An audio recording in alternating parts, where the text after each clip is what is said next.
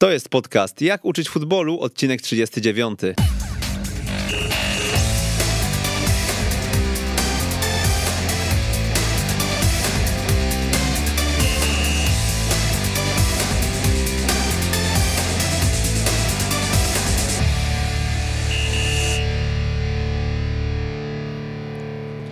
Przemysław Mamczak, witam serdecznie w 39. odcinku Jak uczyć futbolu. Dziś kolejny analityk z nami, Mariusz Kondak, były analityk Wisły Kraków, wciąż przy Wiśle, natomiast w jakiej roli to za chwilkę sam się przedstawi. Witamy serdecznie. E, Witam wszystkich słuchaczy. No powiedz Mariusz, skąd ta decyzja, bo to była twoja decyzja, żeby z tej Wisły jako analityk odejść e, i jaka jest teraz twoja nowa rola? Decyzja była moja, tak? To się zgadza. Pewne etapy się kończą, pewne formuły się wyczerpują i, i dla, mnie, dla mnie to był taki moment, w którym ta praca analityka mm, dała mi bardzo wiele przez ostatni czas i nie zamykam się wobec tego typu obowiązków w przyszłości analitycznych. Natomiast e, patrząc e, przez pryzmat rozwoju, szukałem mm, nowych bodźców i szukam ich nadal w kierunku pracy trenerskiej.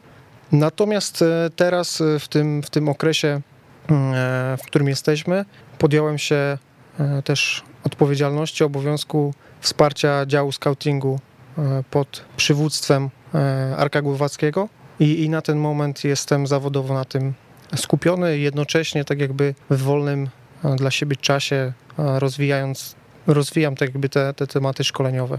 Mhm, no a powiedz, bo wszyscy kojarzymy cię raczej z roli tej analitycznej. Mm, dlaczego chciałbyś y, troszkę to odmienić? Bo tak, tak wyczuwam, że jednak inny kierunek chciałbyś obrać. Znaczy, musielibyśmy wrócić do genezy, tak? Bo tak naprawdę ja zaczynałem jako trener. Mm, praca analityka mm, była dla mnie po prostu drogą do, do pracy na, na poziomie profesjonalnym, bo nie ukrywajmy, że trener, nawet z licencją UEFA, nie ma tak naprawdę ścieżki do znalezienia się, się w sztabie e, ekstraklasowym, jeżeli nie jest specjalistą w pewnych materiach. I ta analityka była dla mnie drogą, którą uznałem za bardzo istotną w, perspektywy, w perspektywie pracy pierwszego trenera w przyszłości.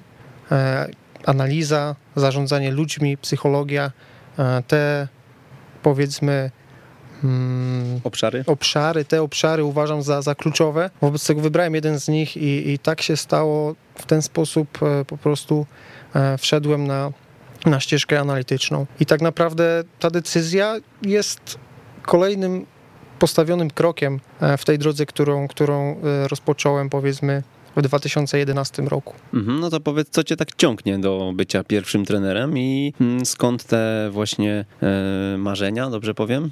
Żeby, żeby gdzieś tam w przyszłości objąć jakiś zespół na najwyższym poziomie? Tak, tutaj jeśli chodzi o definiowanie tego jak marzenie albo cele, to powiedzmy daleko mi od takich akademickich dyskusji. Natomiast y, nie ukrywam, praca trenerska też y, nie chodzi o definiowanie tego jako pierwszy trener, tak? To nie obraca się wokół ego, e, w którym chcę być frontmanem. Po prostu chcę, chcę pracować na, na poziomie szkoleniowym, na poziomie człowieka odpowiedzialnego za, za metodykę, za organizowanie procesu i tak dalej, i tak. E, więc e, tak naprawdę to zawsze było moim, moim celem i, i tego nigdy nie, nie ukrywałem i, i tak jak wspomniałem przed chwilką, nie, nie ma w tym krzty powiedzmy karmienia ego e, po to, żeby być pierwszym trenerem na, na, na poziomie, gdzie, gdzie telewizja śledzi twoje życie. Mhm, a powiedz, bo mm, kilka zmian sztabów szkoleniowych przeżyłeś w Wiśle, e, bodajże pięć ja naliczyłem, tak? E, czyli zaczynałeś u trenera Wdowczyka, skończyłeś u trenera Stolarczyka. Jak to się stało, że tak się długo tam trzymałeś? Bo to chyba e, też przy nowym sztabie często jest trudne, żeby utrzymać swoją pozycję.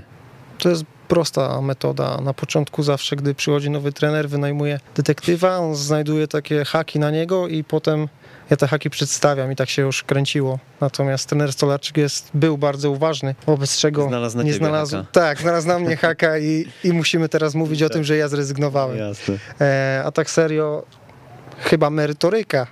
Mhm. Jakby tak to się zaczęło kiedyś, że, że powiedzmy, ja chciałem być e, profesjonalny, merytoryczny, bo nazwisko Kondak nic nie znaczy w piłce, więc na jakiej podstawie miałbym być w ekstraklasie? Tylko przez wzgląd na, na jakość swojej pracy. Mhm. Słuchaj Mariusz, a powiedz, bo na pewno będziemy te wątki twojej codziennej pracy w Wiśle, analizy, twojego postrzegania analizy i kilka konkretnych przykładów, e, na których się dzisiaj skupimy.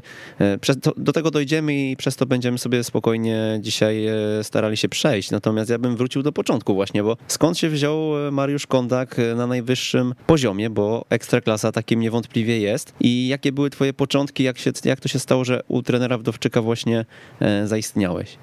W tym momencie posłużyłbym się mm, parafrazą e, ze znanego ostatnio popularnego serialu Ślepnąc od świateł e, z pana Daria, że ja troszkę sobie siebie wymyśliłem.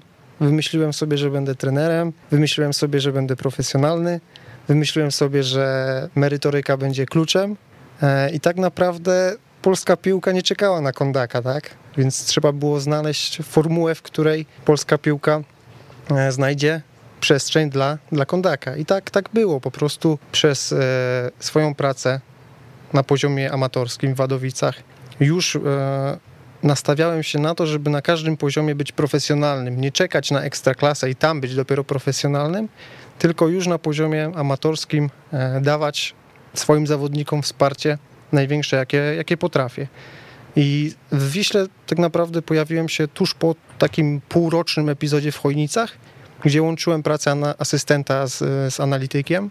Tak naprawdę, jeśli chodzi o, o, rekrutację, to ona była dosyć klarowna. Było czterech analityków. Teraz nie ma sensu przytaczać nazwisk i, i po, po rozmowach, po powiedzmy prezentacji swoich umiejętności w sztabie, w klubie, zostałem wybrany przez, przez trenera, przez ludzi z zarządu w, dwa, w 2016 roku. No i tak naprawdę od następnego dnia, od podpisania umowy, każdego dnia musiałem potwierdzać swoją jakość, mm, aż do momentu, w którym, w którym kończąc pracę, klub e, nadal chciał mnie widzieć w swoich strukturach już na, na innych stanowiskach. No dobra, ale tu zainteresował mnie ten fragment e, o czterech osobach, z których ty zostałeś wybrany. Na jakiej podstawie? Jak wyglądały te rozmowy na początku? Nie wiem, czy jeszcze pamiętasz, bo to już trochę czasu temu było, ale to jest bardzo ciekawe. Myślę, że Moda na analitykę i analizę taktyczną e, się ostatnio zrobiła dosyć duża w Polsce. Myślę, że ten temat też e, poniekąd raczkuje. Natomiast e, sporo osób ciekawych tego fachu pewnie nas słucha i fajnie byłoby, żeby im też podpowiedzieć, w jaki sposób te kluby chcą weryfikować też analityków.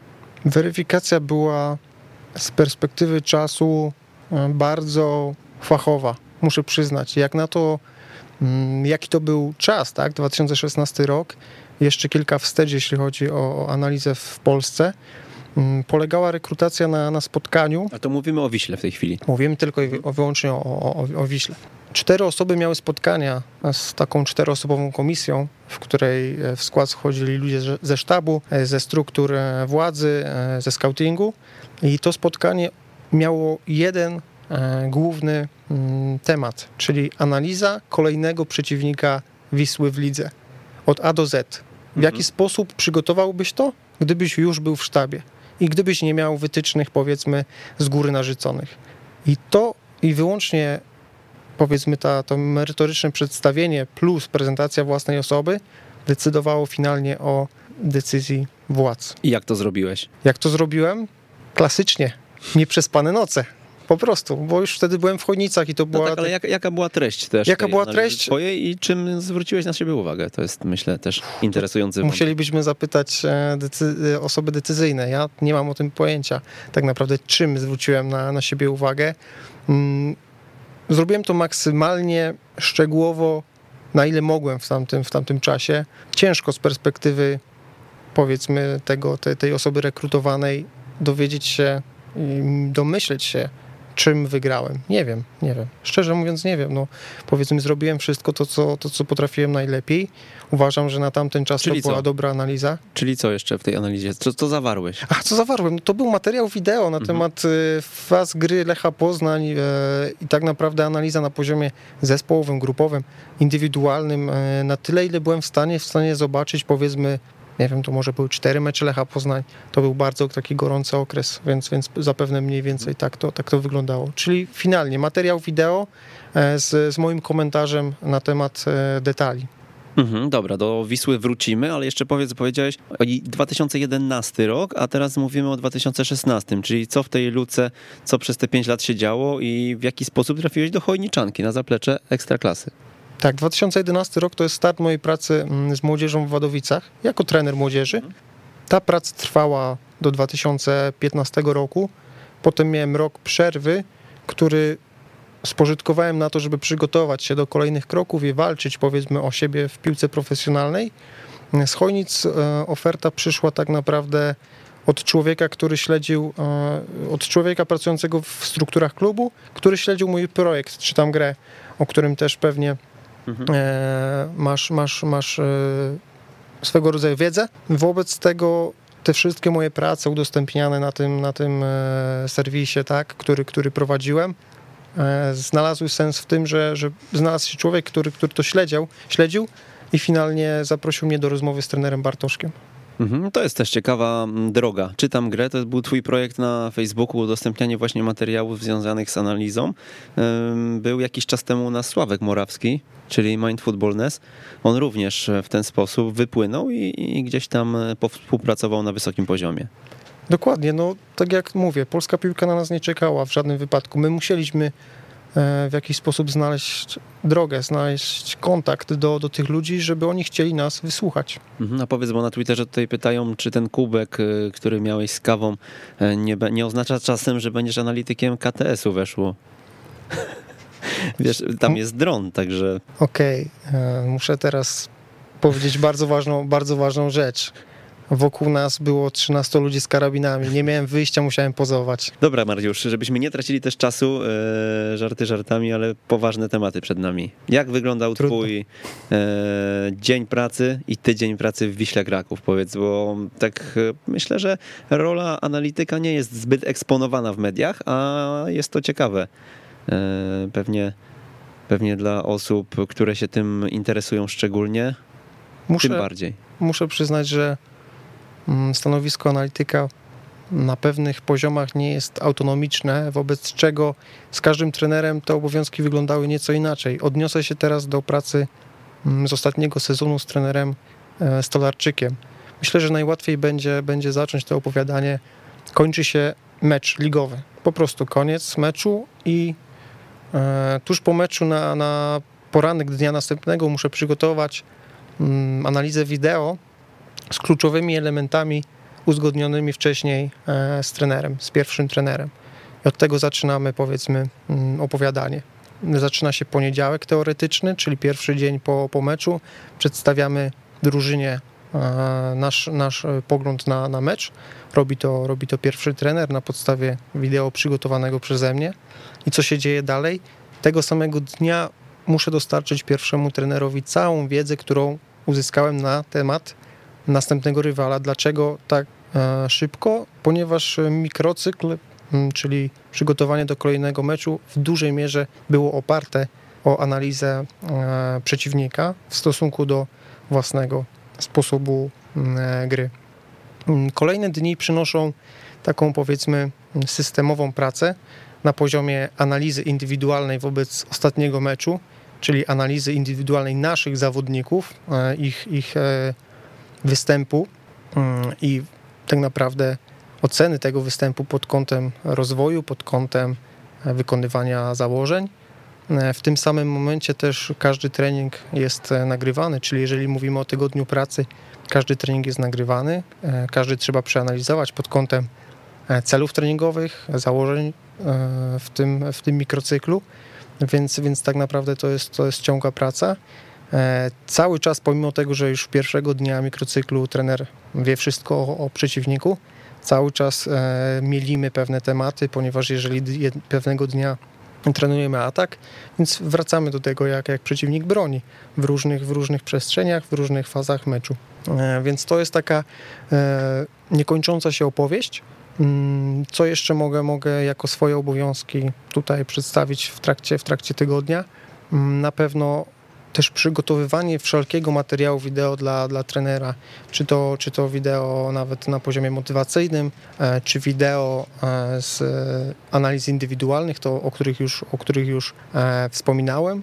I tak naprawdę im bliżej meczu, mm, kolejnego, tym bardziej się skupiamy na przygotowaniu takiego ogólnego wideo, które posłuży nam jako odprawa przedmeczowa, czyli przypomnienie całej pracy tygodniowej w ramach założeń taktycznych, które mają nam pomóc w meczu, w meczu kolejnym. I to jest kolejne, kolejne zadanie e, analityka. Przychodzi mecz, e, w czasie meczu ja jako analityk musiałem go nagrywać, jednocześnie obserwować i symultanicznie, żeby nie używać powtórzeń, e, tagować, czyli tak naprawdę wycinać każdą akcję w ramach, w ramach faz, faz gry. Po co? Po to, żeby w przerwie być w stanie zaprezentować trenerowi materiał wideo, który pomoże nam mm, w czasie drugiej połowy, pomoże naszym, naszym zawodnikom. I równocześnie jestem w kontakcie z ławką, żeby te moje obserwacje jak najszybciej tam dostarczyć. Wydaje mi się, że postarałem się zapakować te obowiązki analityka i jak naj, powiedzmy, szybciej i jak najzgrabniej. Czyli teraz rozumiem, odsypiasz po prostu. jak tak posłuchaliśmy. Odsypiam i zwiedzam. Nie, powiedz, ile czasu poświęcałeś na to, bo zakładam, że zaangażowałeś się bardzo mocno. Taki był twój cel, żeby też e, zrobić te pierwsze kroki w profesjonalnej piłce i na pewno nie wypaść z tego obiegu zbyt szybko. Natomiast e, gdzie czas na jakiś mały odpoczynek i czy to właśnie nie wynikało z tego, że napięty harmonogram doprowadził cię do tego odpoczynku troszkę przymusowo? Tak, no powiedzmy, powiedzmy to, o czym, to, o czym mówię, ma związek też z moimi decyzjami, tak? To, to nie jest e, nic, mm, powiedzmy, nic, co, co trzeba ukrywać. E, natomiast jak to wyglądało? Jakby recepta na mój dzień była prosta. Była praca i, i czas na regenerację. I regeneracja była po to, żeby efektywnie pracować. I tak to wyglądało przez, przez ostatnie lata. Mm, ja to jakby te zasady życia przyjąłem i, i nie miałem zamiaru narzekać, tak?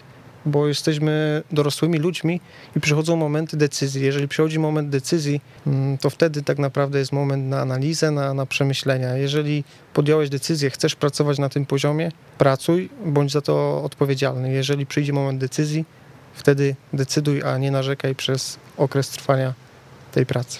A jakie miałeś na to sposoby? Bo mm, jakby rozmawialiśmy przy kawie przed audycją i rozmawialiśmy o tym, że można jako analityk obejrzeć 30 meczów wstecz, tak? Danego zespołu. Można obejrzeć ostatni mecz 10 razy, a można 2-3 razy, tak? Można cofnąć się o 2-3 mecze do tyłu i e, zawsze gdzieś ograniczeni będziemy czasem. Natomiast e, w jaki sposób e, ty radziłeś sobie z tym, żeby tych bodźców nie było za dużo?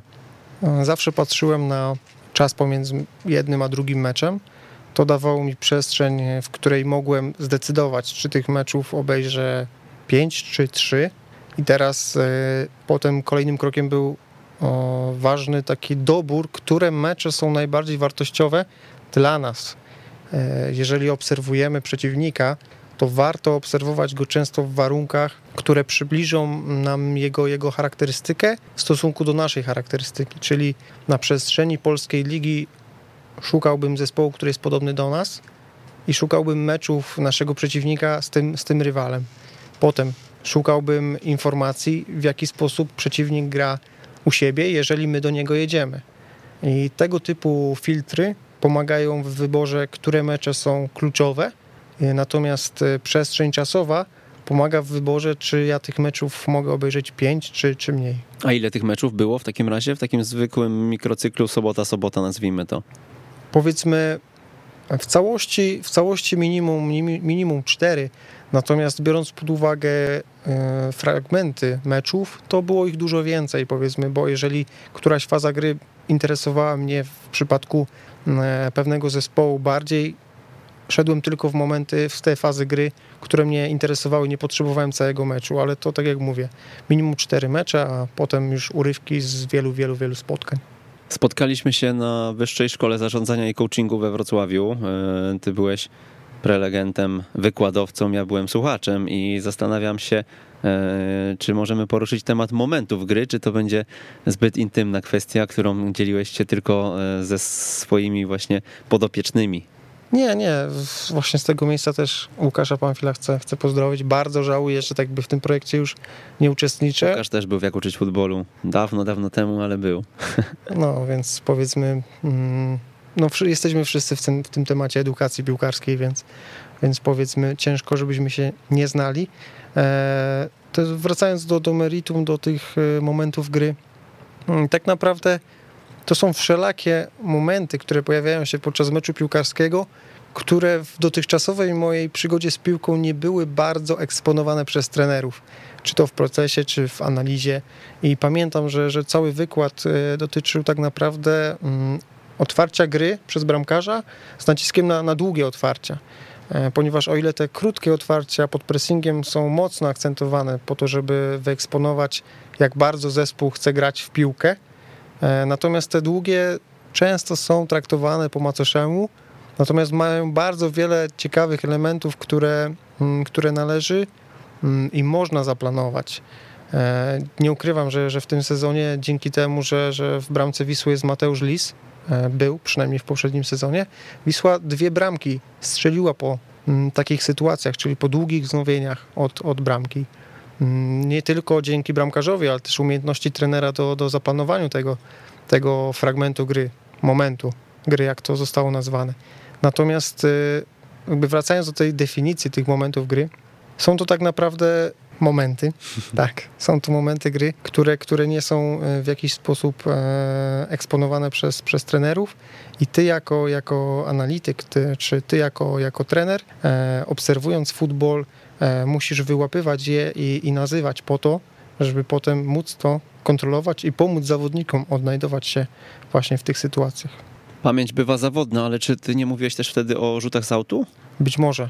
Być mhm. może, bo tak jakby to było może z 3 lata temu ten, ten, ten wykład, mhm. więc, więc ciężko mi się do niego odnieść w całości, ale, ale podobnie, tak? Podobnie rzuty z autu, wiadomo, że, że to już jest bardziej popularny temat i, i można łatwo zaobserwować nawet na, na poziomie ekstraklasy, że zespoły coraz bardziej przy wiązują uwagę do trenowania tego elementu i do analizowania przeciwnika e, w tej materii, więc e, powiedzmy, to są takie, takie nienamacalne momenty gry, które które w zależności od pracy trenera e, nabierają na znaczeniu.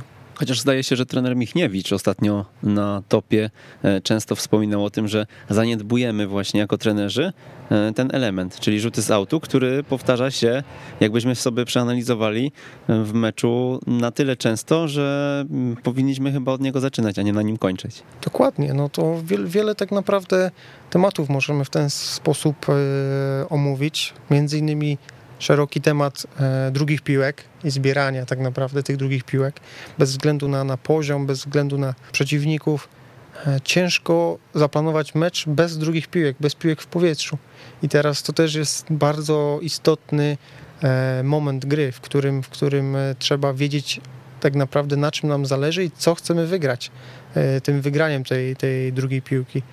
Wobec tego to, o czym trener Michniewicz wspominał, to, o czym teraz e, ja mówię, to tylko i wyłącznie wskazówki e, dla, dla trenerów, żeby kopać głębiej i głębiej, żeby faza ataku powiedzmy nie, nie zadowalać się tylko na opisie budowania akcji, iść głębiej, jakie są zachowania grupowe, indywidualne i tak dalej, i tak bo dokupiemy się do nowych rzeczy, które w pewnym momencie nazwiemy je momentami gry, a za chwilę już zdefiniujemy na własne potrzeby.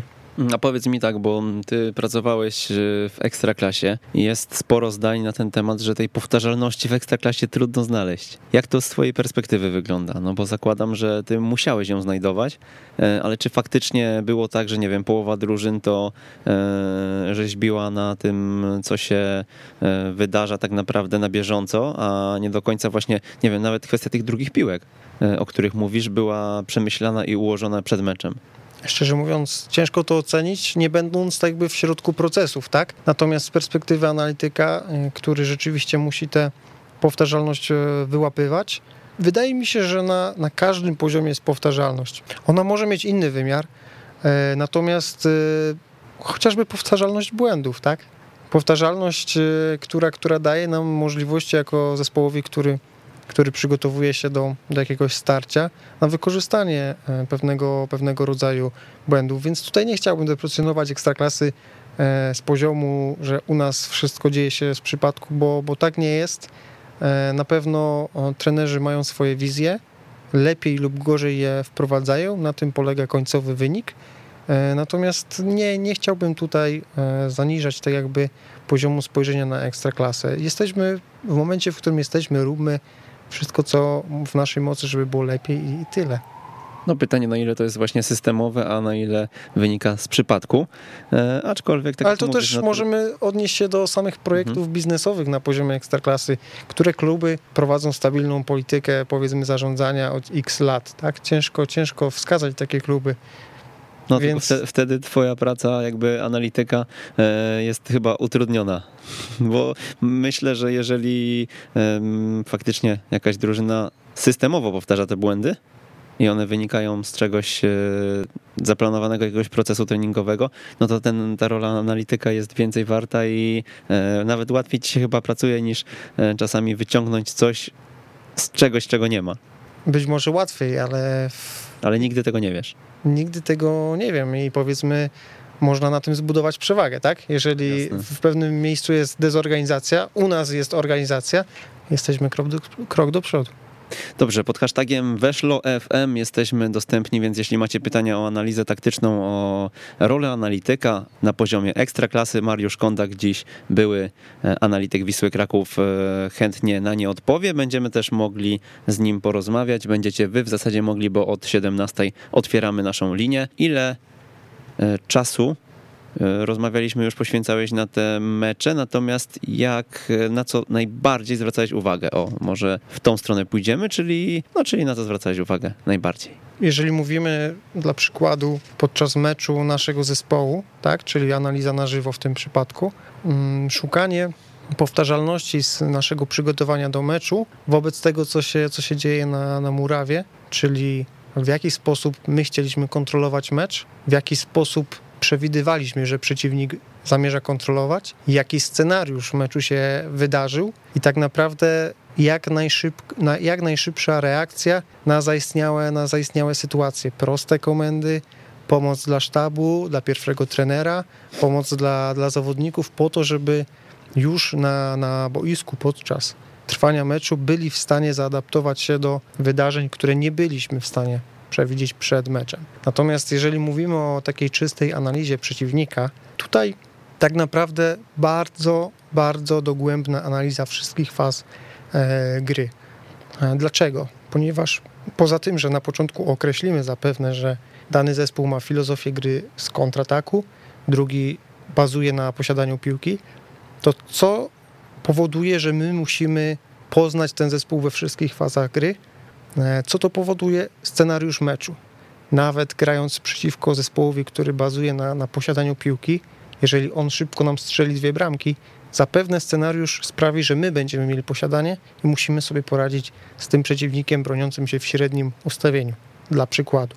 I teraz, jeżeli ja jako analityk wyszedłbym z założenia, że skoro gramy z przeciwnikiem mocnym przy piłce, więc musimy się skupić na, na obronie, przy takim scenariuszu meczu E, zawodnicy nie byliby przygotowani tak jakby do, do wariantów rozegrania, tak?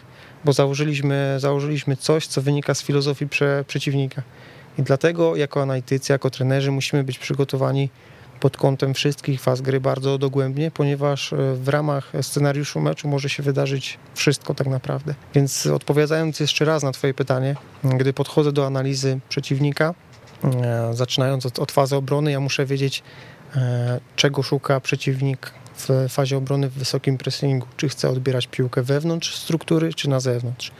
E, jak często mm, i w jakich momentach próbuje wysokiego pressingu, e, jak wysoko jest ustawiona jego linia obrony w tym przypadku i tak dalej, i tak dalej. W średnim ustawieniu, e, jaką strukturę przyjmują, czy orientacja jest bardziej indywidualna, czy orientacja jest bardziej strefowa, w których miejscach jest indywidualnie, w których jest strefowo, jak to możemy wykorzystać, jak możemy sprowokować przeciwnika do e, otworzenia przestrzeni dla nas.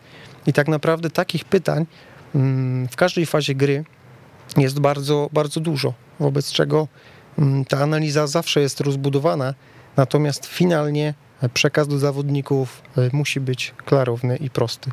Mhm. A jakbyś procentowo określił e, Twoje skupienie? Powiedziałeś wcześniej o metodyce i o tym, że jest dla Ciebie istotne też tworzenie tej metodyki, dlatego chciałbyś jako drugi trener e, w tej chwili gdzieś tam popracować i być za to odpowiedzialnym. Powiedz, czy właśnie metodyczne podejście do wprowadzania też środków treningowych i e, tak jakby przełożenia tej analizy na boisko, na trening jest dla ciebie istotniejsze, czy jednak analiza przeciwnika? Jakbyś to porównał? Na ile się skupiasz na jednym, a na ile na drugim? Bo są osoby, które też y, w ogóle nie analizują przeciwnika, tylko skupiają się na własnym stylu, na własnej grze.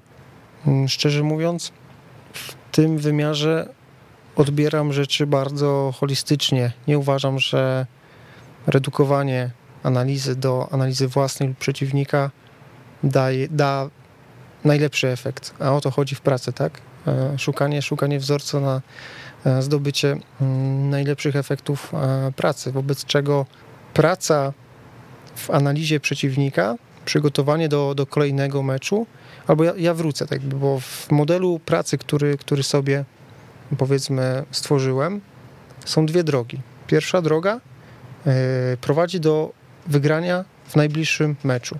I tutaj główną rolę odgrywa właśnie ta analiza przeciwnika, ponieważ chcemy uwypuklić swoje mocne strony, mm, zablokować mocne strony rywala i to samo zrobić powiedzmy z tymi słabymi, czyli schować swoje, uwypuklić przeciwnika. I to jest ta, ta pierwsza droga. Równocześnie z tą pierwszą drogą musimy respektować drogę rozwoju. Dlaczego? Bo ta droga e, i właśnie analiza własnego zespołu pomoże nam wygrać kolejne mecze. Czyli patrzymy, patrzymy tak naprawdę do przodu w pewnych, w pewnych elementach. I teraz nie możemy zaniedbać żadnego, żadnej z tych dróg. Dlaczego? Ponieważ bez wygrywania tych najbliższych meczów, czyli bez tej pracy w, w kontekście analizy przeciwnika, nie będzie przyszłości. A jeżeli skupimy się tylko i wyłącznie na przygotowaniu do każdego kolejnego meczu, zaniedbując swój model gry i swoje spojrzenie, to w pewnym momencie zabraknie nam energii na, na wygrywanie tych spotkań, bo ta formuła się wyczerpie. Procentowo jesteś w stanie to określić, czy raczej e, trudno? Nie, nie, nie. Tutaj tak jakby to nie są rzeczy mierzalne. One się bardzo mocno przenikają.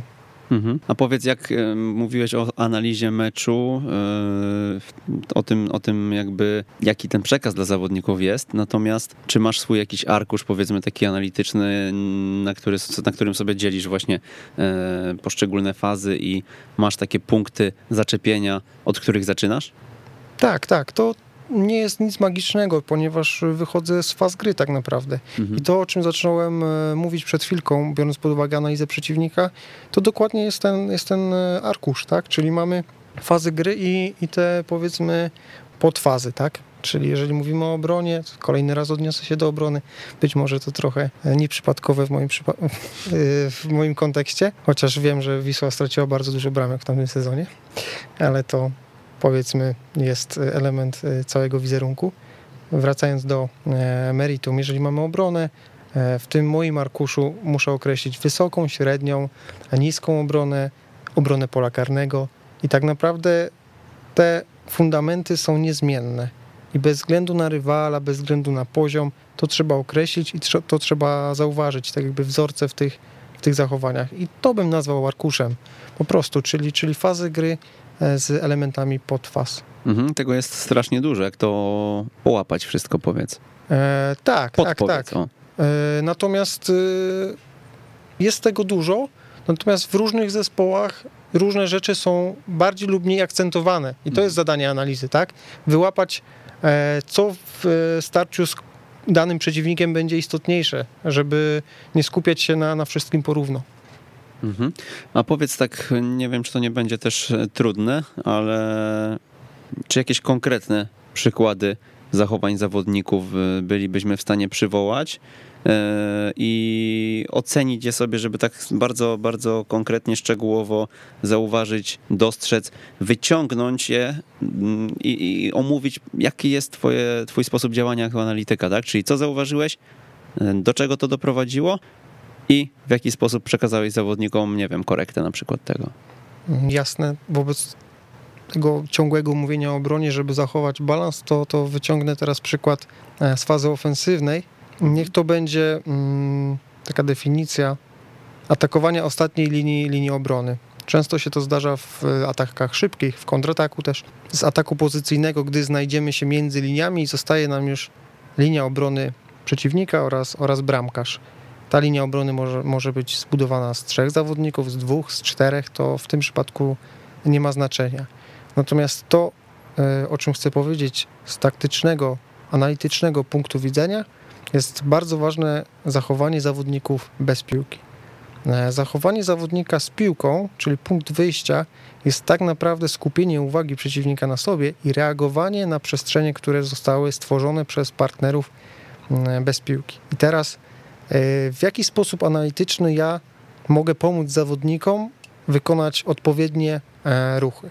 Jest to dosyć, dosyć prosta formuła. Załóżmy, że mamy trzech obrońców i trzech atakujących. Zawodnik z piłką jest w strefie centralnej, mamy dwóch zawodników E, po bokach, w bocznych, w bocznych sektorach. I teraz, e, jeżeli struktura przeciwnika, czyli struktura obronna jest bardzo wąska, nastawiona na kompakt, musimy wtedy wykorzystać przestrzenie na zewnątrz, czyli utrzymać e, szerokość. I to jest dosyć prosta, tak jakby komenda dla zawodnika, który wie, że trzymając ten dystans, pozwoli partnerowi zagrać mu dobre podanie w tempo, omijające tę trójkę, która stoi bardzo wąsko.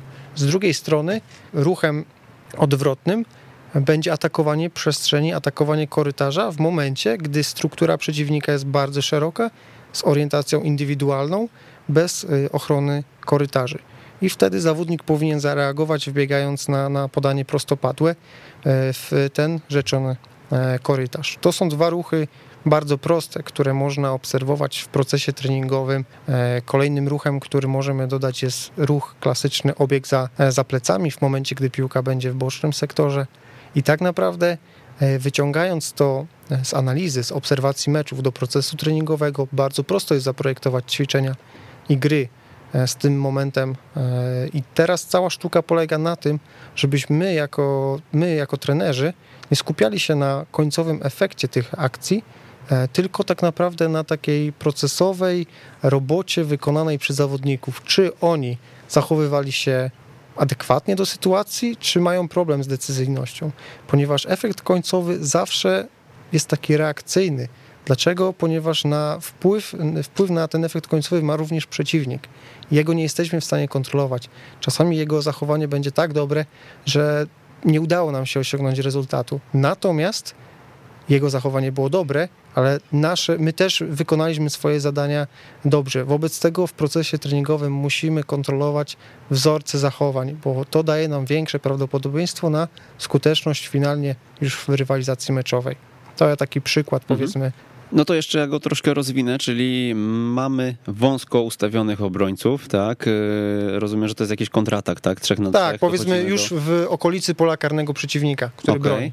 I teraz nasi zawodnicy są zbyt wąsko, czyli sami sobie utrudniamy. Ty wyciągasz ten fragment i później na treningach e, w jaki sposób im to przekazujesz? Wideo, e, indywidualne tłumaczenie, nie wiem, skrzydłowym, że macie być szerzej, bo, e, bo będzie wam prościej, czy e, jak podprowadzasz pod te ćwiczenia, bo powiedziałeś o tym, że kreujesz środki treningowe. Tak, tak. Żeby czyli, to zrobić, ale no właśnie, czy, interesuje mnie, czy najpierw jest wstęp, czy dopiero później po tych środkach jako jakaś analiza? Powiedzmy, jeżeli, jeżeli trener ma określony model, model gry. On zawiera pewne, pewne cechy zachowań już nie na poziomie specyficznym, ale takim logicznym, tak? Bo to zachowanie szerokości nie odnosi się do specyficznego modelu gry, tylko bardziej do samej logiki przestrzennej. No wobec tego, wobec tego jeżeli trener pracuje w tym, w tym modelu gry, zawodnicy powinni mieć tego świadomość, tak, po jakimś czasie. Jeżeli nauczamy, no to najpierw musimy zaprezentować te, te pewne rzeczy. Można odwrócić proces, tak, i wrzucić takie ćwiczenie bez żadnego tłumaczenia, zobaczyć, jak reagują dani, dani zawodnicy, w tym przypadku skrzydłowi, i następnie przygotować analizę. Natomiast w piłce seniorskiej zazwyczaj jest tak, że musimy podać na, na talerzu to, czego oczekujemy, bo nie mamy tyle czasu, żeby po prostu wszystko sterować na poziomie edukacyjnym wzorcowo. Po takim e, przedstawieniu wchodzimy w ćwiczenie, wchodzimy w grę i następnego dnia, jeżeli trening jest nagrywany, możemy e, przeprowadzić indywidualne rozmowy lub e, grupowe, Możemy to zrobić już na, na boisku, jeżeli ta korekta jest istotna, żeby zrobić tu i teraz, żeby pokazać te przestrzenie zawodnikowi na, na murawie, żeby przyspieszyć ten proces przyswajania. I tak naprawdę mm, drogi są, są różne, natomiast no, kluczem jest, żeby kontrolować proces. E, jeżeli takie ćwiczenie wykonujemy, to róbmy podobne, może nie takie samo, ale podobne w pewnych odstępach czasu i kontrolujmy, jak nasi zawodnicy mm, tak jakby zachowując się wobec tego kontekstu gry, jaki, jaki proces decyzyjny u nich u nich zachodzi, a nie tylko skupiajmy się na tym, czy, czy finalnie piłka jest w bramce, czy nie. Mhm. I kontynuując, e, jaki efekt był e, na przykład z Twoich doświadczeń wynika mm, przy takich sytuacjach? Czyli czy te nawyki złe mm, związane z właśnie zbyt wąskim ustawieniem na przykład skrzydłowego szybko jesteś w stanie wyplenić po takim e, pokazie wideo i jakimś środku treningowym, że oni to załapują i mówią, kurczę, to jest takie proste i nikt nam o tym nie mówił wcześniej, czy to jest zbyt mocno zakorzenione? Powiem szczerze, że pewne elementy bardzo szybko przychodzą w procesie treningowym, natomiast e, w procesie meczowym jest duża zależność tak jakby od zawodnika. Czy on e, kontroluje na tyle emocje, żeby przenieść wiedzę teoretyczną na zachowanie praktyczne na, na boisku, podczas presji od kibiców, podczas presji wyniku, mhm. czasu i tak dalej, i tak dalej. Więc w procesie treningowym to bardzo szybko przychodzi, a najlepsi są w stanie to bardzo szybko przyswoić już w rywalizacji pod, ze, ze stresem tak naprawdę. Mhm. No też pewnie pod kątem rozumienia gry zawodnika tutaj jest dużo, e, duża istota. Mm, super przykład, myślę. Masz jeszcze jakieś za nadrzu? Możemy powiedzieć, e, bo bardzo, bardzo popularny jest ostatnio temat percepcji, tak? Mhm. E, może to nie będzie taki, taki mm, element, który, który e, wyjmę jakąś taką bardzo specyficzny przykład. Natomiast też, też chciałbym o tym powiedzieć, bo często percepcję teraz określamy w nazewnictwie jako, jako wzrok przez ramię. Przynajmniej takie, takie, takie definicje usłyszałem w ostatnim czasie, przeczytałem. I teraz musimy iść bardzo głęboko w ten temat, bo wzrok przez ramię oznacza tak naprawdę um, ruch głową w celu zdobywania informacji. Ale jakim jest w ogóle tak jakby, jaka jest geneza tego tematu? E, genezą jest zdobywanie informacji w momencie, gdy zawodnik nie ma, nie ma piłki. Zarówno w fazie ofensywnej, jak i, jak i defensywnej. Więc teraz e, nie wystarczy i tak jakby nie jest kluczem jego ruch głową, tylko pozycja startowa, pozycja ciała. Jego pozycja ciała ma dać mu możliwość obserwowania przestrzeni. I teraz jaki jest, jaka jest przestrzeń na patologiczne wzorce w nauczaniu tego rzeczonego wzroku przez ramię.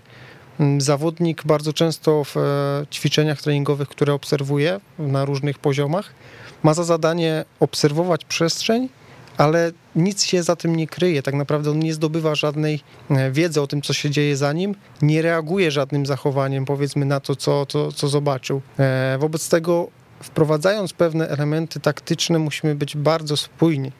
Jeżeli takie zachowanie jak percepcja, tak? Czyli y, taki, taki, taki temat ma nam dać informacje na ten temat, co się dzieje wokół nas na, na placu jako, jako zawodnik. My musimy uczyć zawodnika obserwacji i przetwarzania tej informacji, użycia potem po otrzymaniu piłki lub w działaniu defensywnym. Nie możemy redukować, tracąc sens, bo tutaj tak naprawdę jest największy, największe niebezpieczeństwo w pracy trenera, to jest redukowanie elementów tak jakby taktycznych y, i utracenie po drodze e, sensu, bo sensem tak naprawdę tego wzroku przez ramię nie jest to, żeby zawodnik statystycznie przez 10 sekund obejrzał się 116 razy, tylko żeby on tak skanował przestrzeń, że nawet bez ruchów głową, bo poprzez pozycję startową ciała wie, co z piłką zrobić w momencie przyjęcia. Rozmawiali, ja się uśmiecham, bo rozmawialiśmy o tym, ale ja się do końca nie zgadzam z tym, bo jakby negujesz y, tutaj te wszystkie środki treningowe związane z obracaniem się w kierunku kolorowych stożków, prawda? Mam z tym problem, bo z perspektywy tak jakby no, ekologii środków treningowych, tak, takiego powiedzmy jak najbardziej zbliżonego środowiska do, e, do meczu piłki nożnej, nie ma potrzeby czasami przekombinowania. Tak jakby to jako urozmaicenie jest, jest ciekawą perspektywą i być może na mm, elemencie początkowym sesji treningowej jest, jest ciekawe mm, jako element rozgrzewki. Natomiast idąc dalej progresywnie, to nie może być kluczowym naszym, naszym powiedzmy daniem głównym jako, jako trenera, żeby na poziomie stożków i kolorów uczyć zawodnika percepcji. On musi być wrzucony w środowisko naturalne i tu nie chodzi o mecz i ćwiczenie tego tylko i wyłącznie w grze. Nawet w formach e, powiedzmy ścisłych, półścisłych, gdzie mamy zaangażowanego przeciwnika na 50% albo w innym wymiarze, jesteśmy w stanie zaprojektować gry, ćwiczenia, które pomogą mu realnie wykorzystywać informacje, które zbierze na podstawie skanowania. Mhm. No tak, pytanie, gdzie ustawimy sobie granicę tego przekombinowania, o którym powiedziałeś, jako trenerzy, no bo no moim zdaniem na przykład ustawienie zawodnika za plecami na 50% jest lepsze niż pokazywanie stożka w procesie szkoleniowym, ale uważam, że też jest to sztucznie wykreowana e, forma nie mająca aż tyle wspólnego z grą, tak? I teraz pytanie, w którym momencie dla nas jako trenerów jest to istotne? Czy, mm, czy na poziomie twoim właśnie granica jest już przy e, stożku? czy jednak na poziomie kogoś innego, na, w momencie, kiedy tylko i wyłącznie gra na pełnej e, presji e, jest dla mnie istotna w kontekście właśnie roz, roz, rozwijania percepcji. Myślę, że dobrze to ująłem, chociaż no mówię, tutaj fajnie, że o tym porozmawialiśmy wcześniej, bo mamy gdzieś tam troszkę inną na to inne na to spojrzenie. Tak, no, na pewno futbol to jest nadal gdzieś tam gra, gra opinii i dużo subiektywizmu. E, natomiast to, o czym wspominasz, jest właśnie kluczowe, czyli planowanie progresji. E, dla mnie cała metodyka procesu szkoleniowego opiera się o stymulowanie procesów decyzyjnych. O ile stożek jest poziomem 0, bierny przeciwnik niezaangażowany jest poziomem 1, bierny przeciwnik zaangażowany, czyli wykonujący takie powiedzmy zaprojektowane ruchy jest kolejnym poziomem, mhm. to gra jest kolejnym poziomem i tak naprawdę na wszystko jest miejsce. Tylko jeżeli tak naprawdę właśnie zredukujemy e, sens jakiegoś da, e, zagadnienia taktycznego do poziomu zero, e, bo nam to będzie wygodne z perspektywy trenera pod kątem planowania, znam mhm. ćwiczenia i tak dalej, i tak dalej, a nie będę eksplorował tej przestrzeni głębiej i głębiej, to robię krzywdę zawodnikom tak naprawdę, tylko, tylko i wyłącznie, bo, bo ty jako trener powiedzmy obronisz się i powiesz, ja te rzeczy robię, ja to ćwiczę, ja to im mówię. Natomiast e, głębokość przetwarzania informacji jest kluczowa w tym, w tym elemencie i to zbliżenie e, na poziomie tego sloganu gram jak trenuję, trenuję jak gram, no nie może być pustym slogan, to nie może być puste. No, to, o czym właśnie teraz rozmawiamy, to jest cały klucz sprawy, czyli drążenie każdych, każdych gier, każdych konceptów taktycznych jak najgłębiej się da. A dla mnie najpiękniejszym, e, najpiękniejszym ćwiczeniem dotyczącym percepcji mm, było to, które kiedyś Michał Probierz zaprezentował na jednej z konferencji. Zatrzymywał po prostu grę i zadawał zawodnikom pytania, kto stoi E, za tobą, jak daleko jest oddalony, tak, czy bardziej na prawo, czy bardziej na lewo, przeciwnik, e, gdzie jest najbliższy przeciwnik, e, czy, czy twój kolega z zespołu. No, przyznam szczerze, że jeszcze jako praktyk testowałem i bardzo, bardzo fajnie to wychodziło. Okej. Okay. Przerwa. Przerwa. Mamy przerwę, mamy serwis. W tej chwili as serwisowy wjeżdża i za kilka minut słyszymy się znowu. Mariusz Kondak, trener analityk, za chwilkę będzie do Waszej dyspozycji pod telefonem.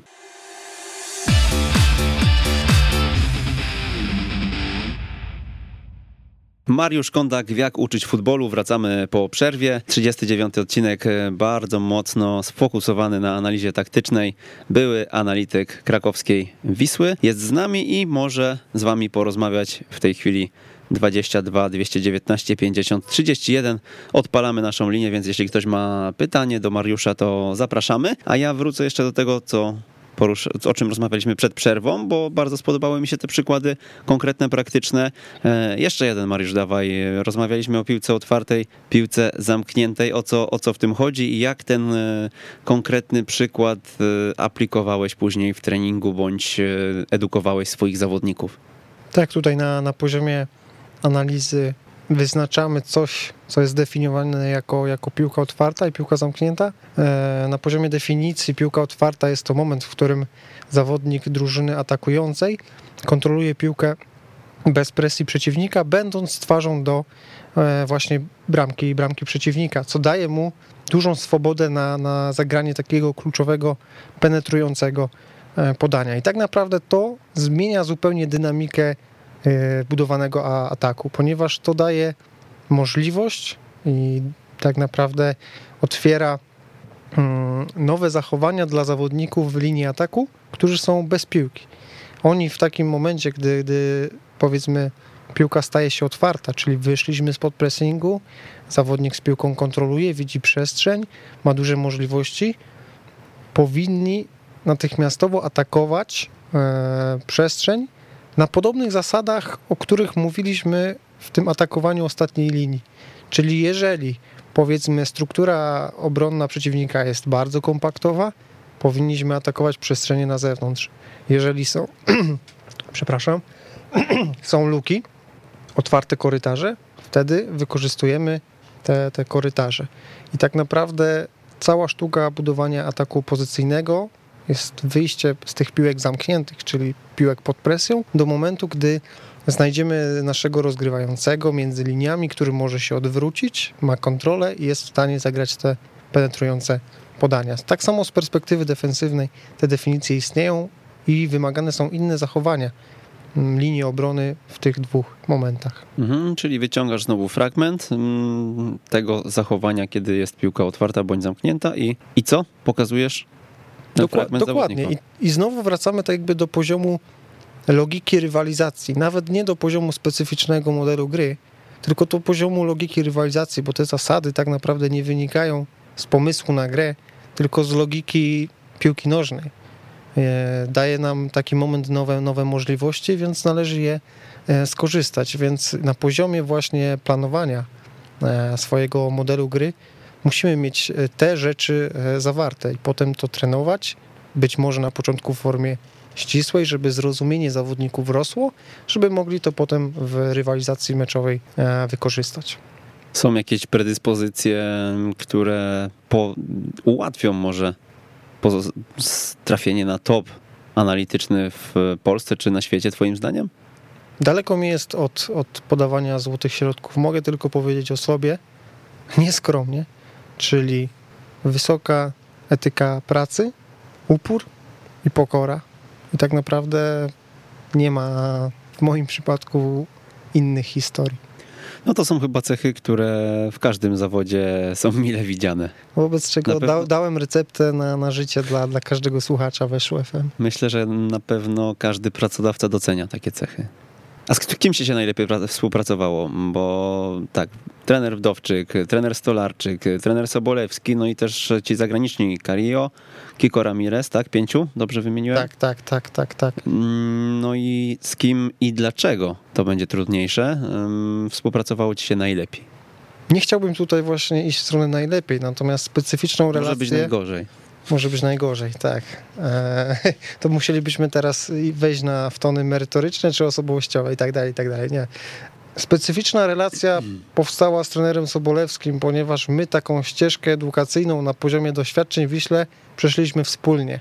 Od początku, czyli od trenera Wdowczyka aż do, do, do tego momentu do trenera Stolarczyka, obserwując procesy, które zachodziły, e, sposób pracy różnych trenerów, mieliliśmy to, mówiąc kolokwialnie, razem i, I ta wizja nasza e, piłki dorastała wspólnie wraz z, z, nowymi, z nowymi trenerami. I, I tu jest dla mnie taka, taka osoba, z którą, z którą bardzo, bardzo przyjemnie rozmawia mi się o, o, o futbolu i ta nasza wizja jest, jest bardzo podobna. Choć to człowiek tak naprawdę z drugiego rzędu, bo tylko e, w Wiśle tak naprawdę pracował jako pierwszy trener w momentach tych e, granicznych, gdzie trenerzy zostali zwal, zwalniani. No natomiast teraz, teraz powiedzmy mm, zapewne, zapewne za jakiś czas e, zobaczymy trenera Sobolewskiego w dalekiej albo niedalekiej przyszłości na takim stanowisku, więc jestem ciekawy jego pracy, po prostu. A z takich stricte technicznych kwestii, jakie cechy analityka ułatwiają mu analizę? Musi to być umysł ścisły, twoim zdaniem? Niekoniecznie, ja nie, tak jakby mm, ja nie jestem osobą kompletnie związaną tak jakby z, z postrzeganiem świata binarnym, tak? Mhm, No to w, Wiśle nie jest to chyba... Mile widziane, tak. Dlatego musiałem odejść. Kolejny powód. E, nie, nie, żyję w odcieniach szarości mocno. Nie, teraz wracając tak do, do poważnej rozmowy. Mm, są różne typy analityków. I teraz kwestią jest to, że nasza kultura piłkarska kilka lat, kilkanaście lat temu nie miała przestrzeni dla analityka. Teraz analitycy się pojawiają, natomiast nie ma jeszcze specjalizacji analityków. Wobec czego jakikolwiek e, masz charakter, musisz być bardzo elastyczny. I teraz e, bez względu na to, czy ty jesteś ścisły, czy nie, musisz powiedzmy pracować ze statystykami, bo nie ma pięciu analityków, którzy odpowiadają za różne materie. I teraz kolejnym krokiem będzie to, że, że te sztaby analityczne będą się rozrastać, wobec czego znowu nie ma złotego, złotego środka. Spojrzyjmy na zachód, tam, tam te departamenty analizy, tak naprawdę edukacyjne departamenty są przeogromne, wobec czego każdy znajdzie miejsce dla siebie, naprawdę każdy. A marzysz o takiej pracy właśnie w takim departamencie, czy jednak e, bycie jedynym e, analitykiem, jedynym w danym klubie jest też e, pewną swobodą?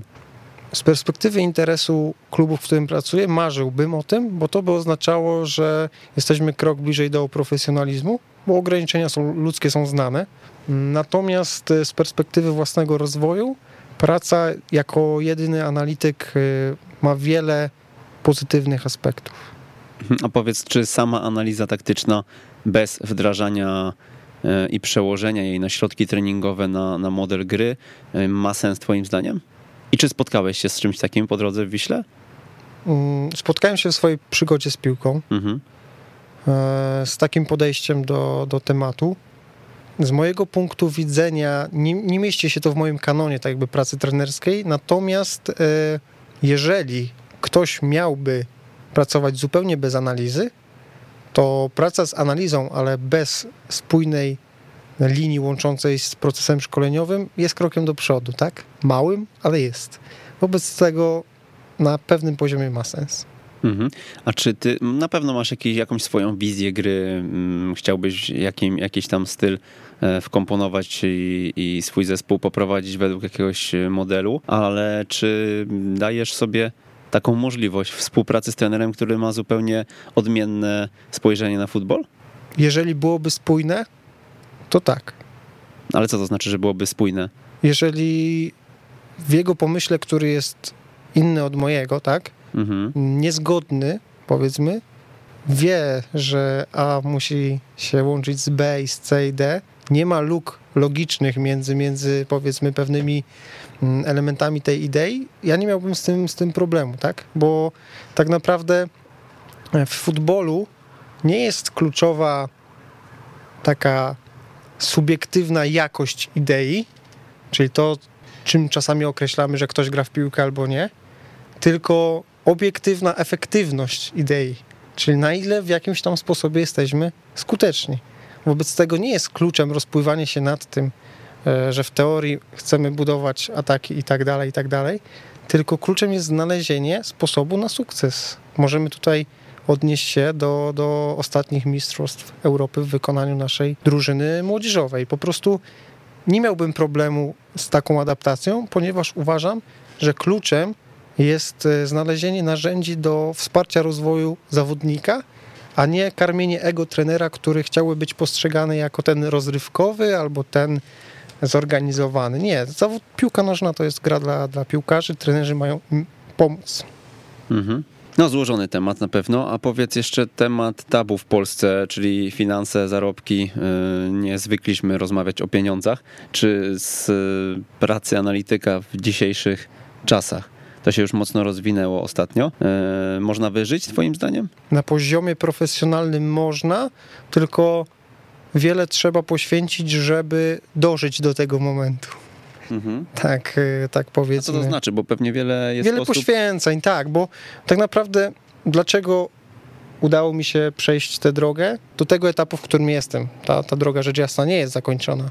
Nawet nie jest, powiedzmy, bardzo rozwinięta. Natomiast e, jeżeli ja szybko jako trener młody rozumiem proces, czyli priorytety w moim życiu, które chcę rozwijać, i jeżeli jedną z nich nie są pieniądze dla pieniędzy bardzo szybko, to jestem w stanie poświęcić e, wiele. Natomiast jeżeli ktoś od początku w priorytetach umieszcza zasoby finansowe, to będzie to trudne, bo droga do zarabiania pieniędzy na poziomie takiego, jak to nazwaliśmy, żeby z tego żyć, tak, jest długa. Mhm. No dobra, a powiedz, czy na poziomie inaczej, czy to jest specyfika miejsca, czy ekstraklasa już się jakimiś e, standardami charakteryzuje. Jeśli chodzi o finanse? O finanse i o sztaby też analityków, może powiedzmy, bo to e, nie wiem, w każdym zespole ekstraklasowym jest obecnie analityk? Masz taką wiedzę? Nie mam wiedzy na, na 100%.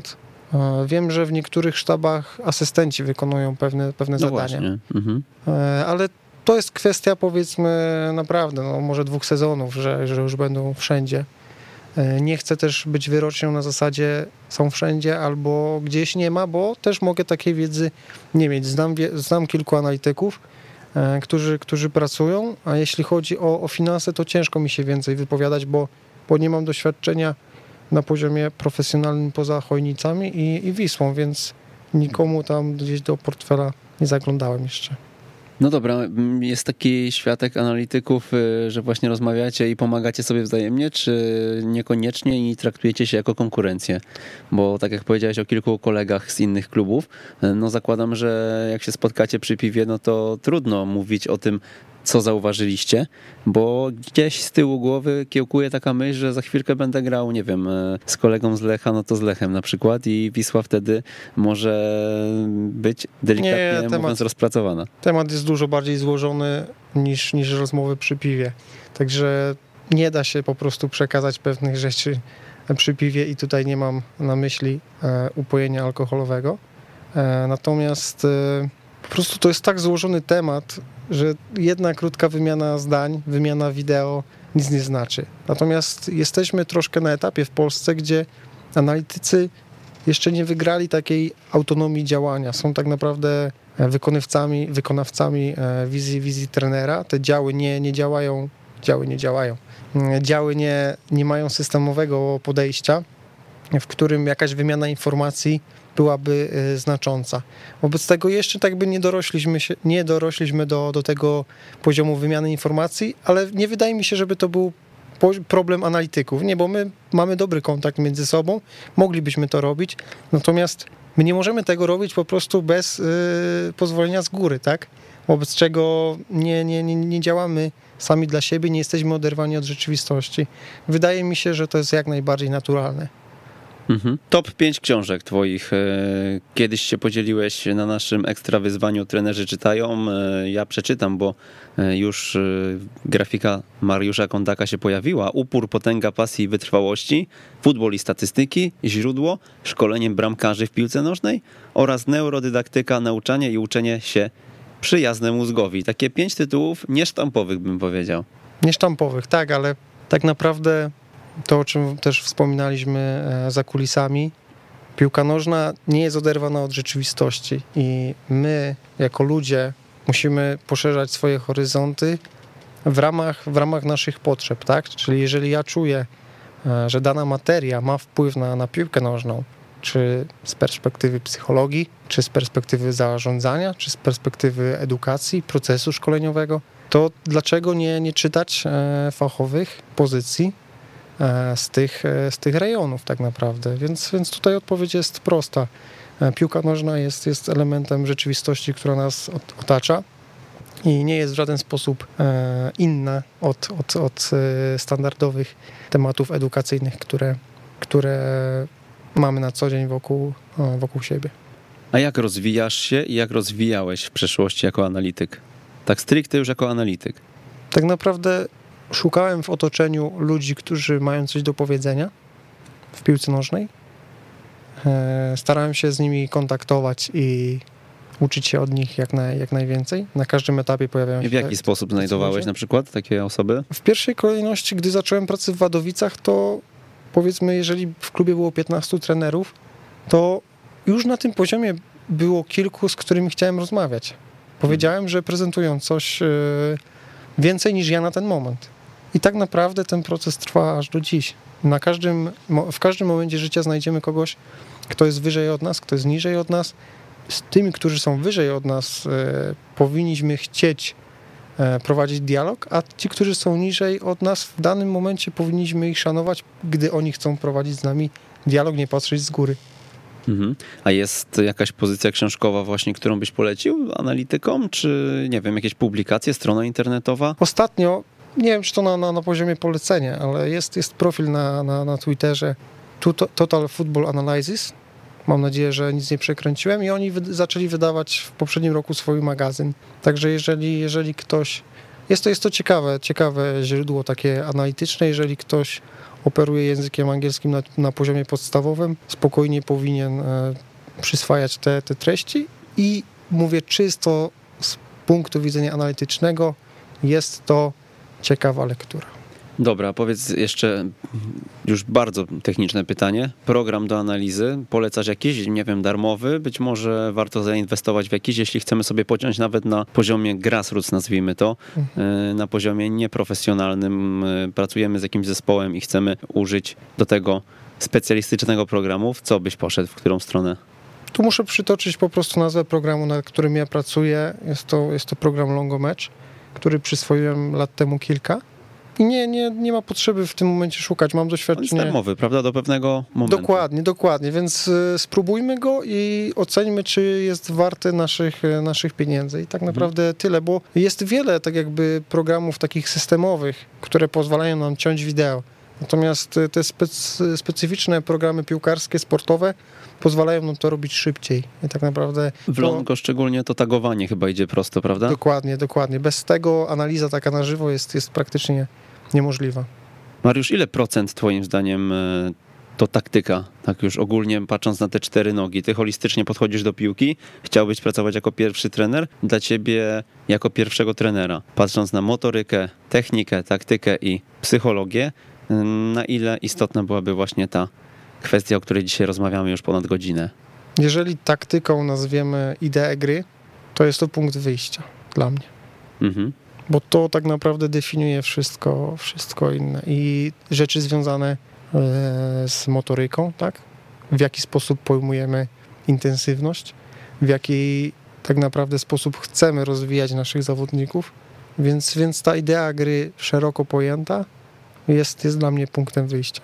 Mhm. Jest jakieś nazwisko jakiś trener w ekstraklasie, który zaimponował ci szczególnie swoją ideą gry, którą wdrożył też i ty jako analityk przez te lata oglądałeś jego zespoły i kręciłeś głową mówiąc, to jest to, kurczę, faktycznie zrobił dobrą robotę. Być może było tego tak dużo, że nie, nie, nie pojmowałem tego w ten sposób. Albo tak mało. Nie, nie, tak dużo jeśli chodzi o przeciwników. Tak jakby, że nie zatrzymywałem się na tym poziomie, że coś jest, coś jest wow. E, powiem inaczej, u, u każdego trenera akcenty są rozłożone inaczej i niektóre rzeczy są powiedzmy bardziej dopracowane lub, lub mniej, więc nie chciałbym tutaj nikogo, nikogo przytaczać, e, tak bardzo, bardzo wychwalać, ani też e, kogoś nie, nie pominąć, więc tutaj dyplomatycznie powiem. Bardzo że... dyplomatycznie widzę dzisiaj. Nie, no tylko, tylko w tym momencie, tylko w tym momencie. A i jeszcze na koniec, bo już mamy końcówkę, czy Twoim zdaniem jest sens analizować e, rozgrywki młodzieżowe i treningi z najmłodszymi, nie wiem, 10-12 latkami, jak to z twojej perspektywy wygląda. No i tutaj też na poziomie właśnie czy taktyki indywidualnej bardziej, czy, czy zespołowej. Wydaje mi się, że, że to się tak by miesza, taktyka indywidualna, grupowa, zespołowa. Natomiast to, co mówiłem troszkę wcześniej o tym balansie pomiędzy pracą, która nas przygotowuje do wygrania najbliższego meczu, a pracą, która da nam jakość do wygrywania każdych kolejnych. I tutaj w piłce młodzieżowej tak jakby wajcha jest przestawiona w, te, w tę drugą drogę, czyli rozwijanie własnych e, logicznych zasad gry, tak? związanych nie, nie, nie zawsze ze specyficznym modelem, a po prostu z logiką gry, o których wspominaliśmy, szerokość, tak? atakowanie korytarzy i tak dalej, więc, więc jak najbardziej w piłce młodzieżowej analiza jest e, niezbędna po to, żeby uczyć zawodników no, wyświechtanego już stwierdzenia rozumienia gry, po prostu. Jakie wydarzenie w twoim życiu sprawiło, że jesteś dzisiaj w tym miejscu, w którym jesteś? Takie egzystencjalne pytanie na sam koniec. W radio? Telefon od ciebie.